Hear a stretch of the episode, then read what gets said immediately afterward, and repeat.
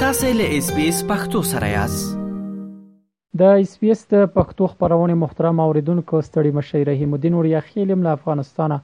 تاسو د افغانستان او سیمې د تیر یوې ونې مهمه پیښه وړاندې کوم هیله ده چې تر پای مې ملتیا وکوي د بخر نړیوال سازمان تیر ونې د طالبانو له سرپرست حکومت څخه وغوښتل چې په افغانستان کې د شیعه مذهب افغانانو امنیت خوندي کړي. دې سازمان په یوه اعلامیه کې وویل چې طالبان مسؤل دي چې د غیر نظامیانو د ساتلو په پار ټول اقدامات ترسره کړي.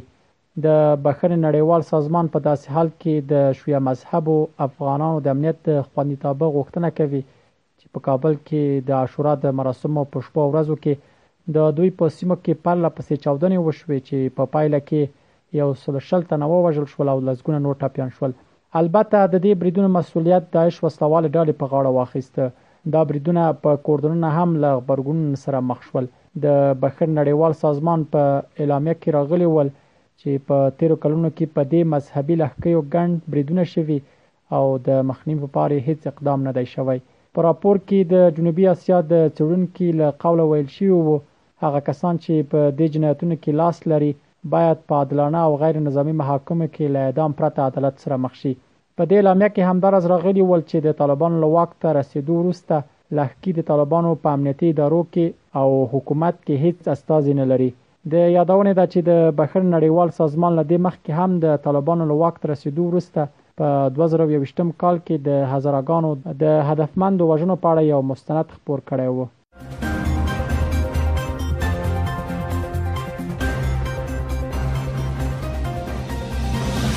تیر اونۍ په افغانستان کې د تحریک طالبان پاکستان ټي ټي پي درې مهم مشران ووژل شول په وژل شویو کسانو کې عبدالولي چې د عمر خالد خراساني په نوم هم پېژندل کېده شامل و چې د تحریک طالبان پاکستان په مهمو مشرانو کې و. وژل شوي دوه نور بیا حافظ دولت او مفتي حسن نومېدل. د راپورونو له مخې د تحریک طالبان دغه درې واړه مشران د اګسټ پر اوومه ماښام مهال جنوبي وزیرستان ته څېرمه د افغانستان د پکتیکا ولایت په برمل ولسوالۍ کې روان ول چې موټر یې د سړک غاړې ښخ کړي مین باندې وخوت. رسنیو دا هم وویل چې درې واړه د افغانستان د کونړ او ننګرهار ولایتونو کې میشت ول خو د سلا مشورې په پار برمل ته روان ول. عمر خالد خراساني د مومندو اوسېدونکی او ویل کېږي چې د تحریک طالبان د مومندو څانګې مشر و. مفتي حسن بیا د طالبانو له هغو قوماندانانو و چې په شام او عراق کې د داعش ډلې له پخواني مشر ابوبکر بغدادي سره بیعت کړی و. حافظ دولت بیا د عمر خراساني ډېر نږدې ملګری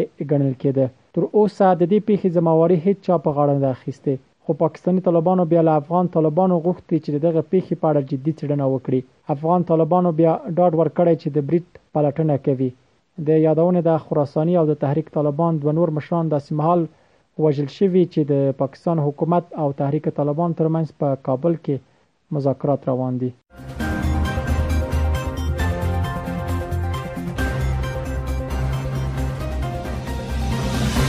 د افغانستان د بیارغونې په چارو کې د امریکا ځانګړي مفتش یاسیګار چې ابتدایي هغه د جون په اومه خپور کړی و، د افغانستان د مخکني ولسمشر محمد اشرف غني له لوري د وتو پر مهال د وړل شویو پیسو په اړه نوې موندنې خپرې کړې. په راپور کې راغلي ول چې د ښاغلي غني مدافع وکیل د جولای په اته ویشت مه د دوی د شپږ پنځوس استول شویو پوښتنو څخه یوازې شپږو ته ځواب ورکړی دی په دې شپږ پنځوس پښتنو کې د افغانستان د نظام، ملي اردو، بهرني سیاست، د امریکا او طالبانو د تړون، د افغانستان د راتلونکي سیاسي نظام د جوړولو، د طالبانو په لاس کې د افغانستان سقوط او له وطنه د ښاغلي غني او ورسره ټیم د وتلو او د هغو پیسو په اړه پوښتنې مطرح وې چې تور لګول شوی دوی له ځانه سره وړي دي. د سیګار په راپور کې د پیسو د لیږد په اړه راغلي ول چې له عیني شواهدو ښکاري چې له هغه سره له پنځه سوه زرو ډالرو زیات نه وه. د سیګار په راپور کې له ځینو نورو چارواکو سره له افغانستانه د وتو پر مهال د پیسو لیږد ته اشاره شوې وه او د ځینو سرچینو له قوله لیکلي ول د ولسمشر غني له مېرمن سره یوازې اته سوه زره ډالره د جمهوري ریاست د عامه ساتنې د مشر قهار کوچي په بکس کې د دې ریاست د یوې میاشتې بودیجه دوه سوه پنځوس زره ډالره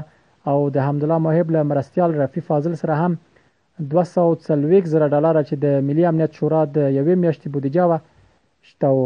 د سیکار په راپور کې دا هم راغلي ول چې د جمهوري نظام د سقوط په وخت کې د جمهوري ریاست او ملي امنیت د شتمنیو په ګډون د افغان حکومت په ودانیو کې ډېرې پیسې پاتې شوې چې بیا ورکې شوې دي. د یادونې ده، له افغانستانه د مخکني ولسمشر غني له خوا د پیسو د لېږد تور په لومړي ځل په کابل کې د روسیې سفارت وکړ او ویې ویل، ښاغلي له ځانه سره یو سلو نهه شپېته میلیونه ډالره وړي دي. حاضر دی چې په خپلواکه توګه دا تور وڅېړل شي.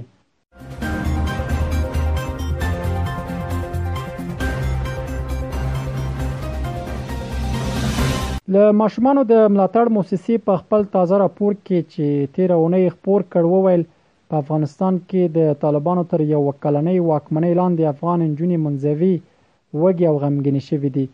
د دې موسسې په راپور کې راغلي ول، نجونې د هلکانو پرتله تقریباً دوه چنده زیاتې وږې ویدې کېږي، شپږ څلوېښت سلنه نجونې د دېرش سلنه هلکانو پرتله ښوونځیو ته نه ځي. په دې راپور کې دا هم لیکل شوي و چې پر افغانستان د طالبانو تر واکمنۍ یو کال وروسته اقتصادي کړکېچ، سخته وچکالي او بندیزونه د نجونو ژوند زیانمن کړی او په هرو څلورو کې یوه یې د ژور خفګان نښې لري. دا راپور وښودله چې اووه نوي سلنه کورنۍ په افغانستان کې د خپلو ماشومانو لپاره د خوړو په برابرولو کې له ستونزو سره مخ دي او انجونې د هلکانو پرتله کمه ډوډۍ خوري. د طالبانو حکومت د دې شان راپورونو خپرېدل بې بنسټه بولي او وايي، دا ډول راپور د عامو خلکو د ذهنیت د خرابولو په پار خپرېږي. خو د ماشومانو د ملاتړ صندوق د دې ستونزې د حل لپاره د نړیوالو مشرانو او پرېکړه کوونکو خلکو غوښتي چې د افغانستان کنګل شوې نقد شتمنۍ ازادې کړي او بشري مرستې زیاتې او د افغانستان د خلکو د ستونزو لپاره د حل لارې ومومي.